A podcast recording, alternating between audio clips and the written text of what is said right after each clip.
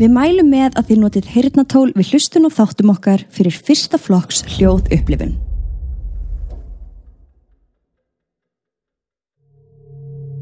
Við viljum minna á að þessir þættir eru alls ekki við hæfi barna.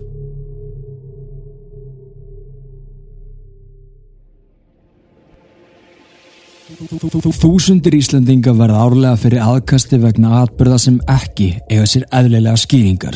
Í gegnum tíðina höfum við fengið talsvert af sögum sendar til okkar þar sem fólk er raunverulega að lýsa hræðslu og óta á yfirnáttúrulegri upplifun. Atvikum sem hafa komið fyrir þau á stopnunum, vinnustöðum, en þó lang oftast inn á þeirra eigin heimilum. Í þessum þáttum munum við fara yfir aðsendar sögur, deila þeim með ykkur og rýna betur í það saman.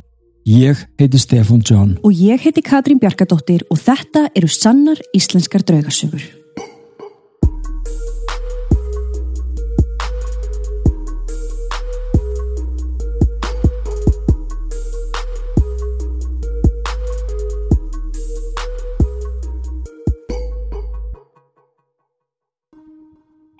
Komið þið sæl kæra áskrifundur Ghostober er bara í fullum gangi Mm -hmm. Við erum að fara að byrja að skreita fyrir Halloween og við viljum endilega hvetja ykkur til þess að kíkja á hrekkjavöku Halloween þáttinn inn á draugasögur á þinni hlaðvarpsveitu Já, inn á Spotify. Við gáum hennan þátt út á seinasta ári fyrir áskrifendur þar sem við förum bara rosalega vel yfir það bara um hvað Halloween snýst, hvernig Halloween byrjaði og Hvað kemur allt þetta nammi, hvað er með þessi grasker? allar þessar hefðir þannig að endilega hvetji ykkar fólk til þess að fara á Spotify eða Apple Podcast eða bara þá hlaðvarsveitu sem að þau kjósa og hlusta á hennan þátt. Hann er opinn öllum Hann er líka rosalega fræðandi. Þið viljið vita sögun á bakveit allt saman. Algjörlega. Og svo langar okkur líka til þess að minnast á það að það er alveg nokkrir búin að senda okkur vídeo af svona þeirra Halloween skreitingu. Og það væri ótrúlega gaman ef þið eru að fagnast þeirra hátíð ef þið eru að skreita endilega taki vídeo af því. Þið getið sendt okkur á Instagram eða Facebook eða sett í story hjá ykkur og taggað at draugasögu podcast þannig að við getum líka deilt ykkar skrauti með okkar fylgjendum. Algjörlega, eða þá sannar íslenskar Instagraminu. Að svona lokum í þessari byrjun þá viljum við endilega minna á að því það eru margir sem að senda okkur sögur og er að glíma við alls konar stöf heima hjá sér og vinnustöðum kíkið á ghostbox.is og endilega skoðu úrvalið. Þetta eru vörur sem að við erum heils hugar að bjóða fólki upp á. Þannig að please notið þetta tækifæri að því það er bara okkar hinsta ósk að já, flestir bara eigi svolítið fallegt og rólegt heimili -hmm. en vindum okkur í þetta Saga 1 Krossarnir Hæ, elsku Katrín og Steppi. Takk fyrir frábær hlaðverp og þetta finnst mér svo mikilvægt sem skrásetning fyrir ókomna tíð. Amen Ég óska eftir nafnblind fjölskylduna minna vegna. Ég með nokkrar frásagnir. Saga 1 Ég fór fyrir nokkrum árum í jeppaferð með fullt af fólki. Í skálan kom maður sem er mjög þekktur innan jeppamennskunar og notaði ég tækifæri og tók slatt af myndum og vídjum af honum og bílnum hans sem er alveg einstakur eins og eigandin. Ætli þetta hafa verið í kvítónusi? Hugsanlega. Hugsanlega Ekkert paranormal gerðist þarna og fóru allir heim. Ég setti tvær myndir af honum á netið og takkaði nafnið hans við.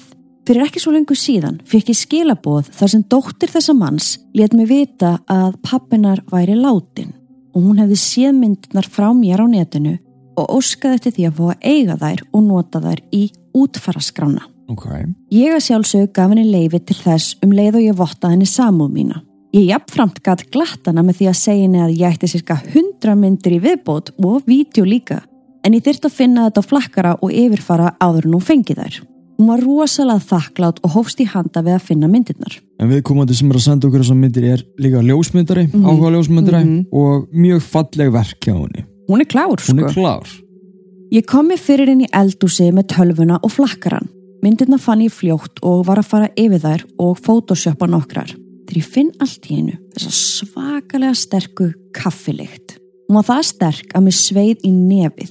Ég líti upp og spyr manni minn hvort að hann sé að drekka kaffi. Nei, saði hann. Ég hef ekki drukkið kaffi hér heima í nokkra daga, bara í vinnunni. Ég segja hann um þá hvað ég er að finna og þá spyr hann hvað ég sé að gera í tölvunni.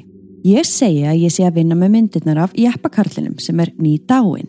Þá sagði hann, vissur ekki að hann var mjög þekktur fyrir mikla kaffidrykju. Ég ætla ekki að segja ykkur hvað ég fekk mikla gæsa húð. wow. Lyktin var bara í mjög stuttastund og fór jafn hratt og hún kom. Finnst þetta svo magnað? Haldið ekki að hann hafi bara verið að láta vita af sér og sína mér þakklæti. ég vissum það Ég líka. bara svona aðeins að kíkja Já, og það er einhver sem hugsa til hans hann kemur, já, ég er alveg þetta er bara samanlega. magnað Líka kaffilikt, hún er alveg sterk og enginandi og hún Já. kemur ekki upp úr þurru heima hjá þér nema þú sérst að drekka kaffi. akkurat, Þannig að ef þú fannst hana, mér finnst alveg vera að tengi gætna á milli sko. alveg 100% Svo heldur hún áfram. Stuttum svona lyktir. Ég finn reglulega lykt af fólkinu mínu sem er farið og til dæmis af afa mínum sem var einstök lykt af. Hann vann þar sem krydd voru búin til.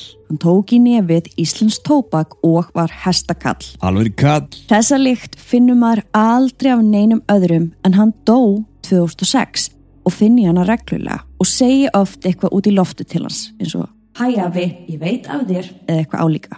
Finnst þetta notalegt?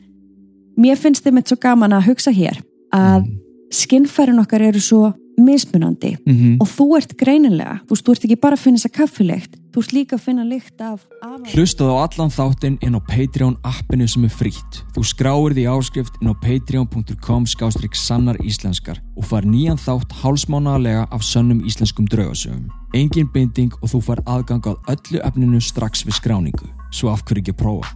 Ég meina, vilt ekki vita hvernig sagan endar?